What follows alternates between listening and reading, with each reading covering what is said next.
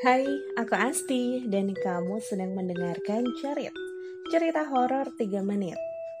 Cerita kali ini datang dari seorang teman dan merupakan kisah nyata. Johan sedang menempuh perjalanan pulang dari kota yang cukup jauh.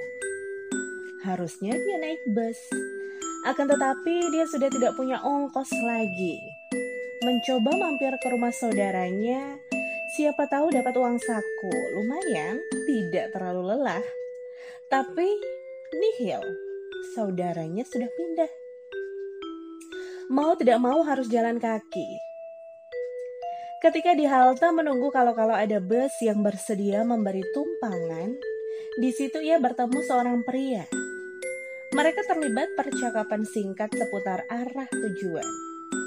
Orang tersebut bertujuan sama rupanya setelah menunggu cukup lama, tidak ada satupun bus yang lewat.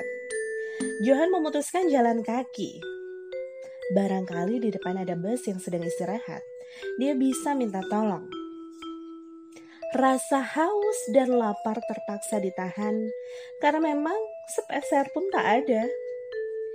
Kira-kira 100 meter berjalan, ia harus melewati genangan air yang seukuran lutut orang dewasa. Sebelum itu, Johan berpapasan dengan pria yang ia temui tadi di halte. Ia pun permisi mendahului. Setelah berhasil melewati jalan tergenang, Johan melanjutkan perjalanannya. Dan aneh, ia berpapasan lagi dengan pria tadi. Harusnya masih di belakang. Tapi, ah, sudahlah. Hal itu berlanjut beberapa kali meski merasa sudah mendahului tapi kembali lagi berpapasan.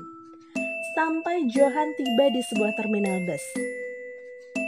Seperti yang sudah-sudah, pria itu sudah ada di sana. Ia lalu menghampiri Johan dan bertanya sebenarnya hendak ke mana.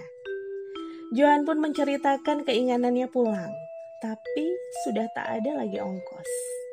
Lalu orang itu berbaik hati membayar ongkos bus untuk Johan. Naiklah mereka. Satu bus yang sama, hanya pria itu duduk di depan dan Johan jauh di belakang.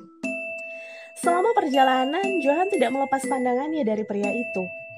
Dan begitu sampai, ia segera turun dari bus ingin mengucapkan terima kasih pada pria baik itu. Tapi sampai seluruh penumpang habis, pria itu tak kunjung turun. Penasaran, Johan melongo ke dalam bus. Kosong. Ke mana perginya?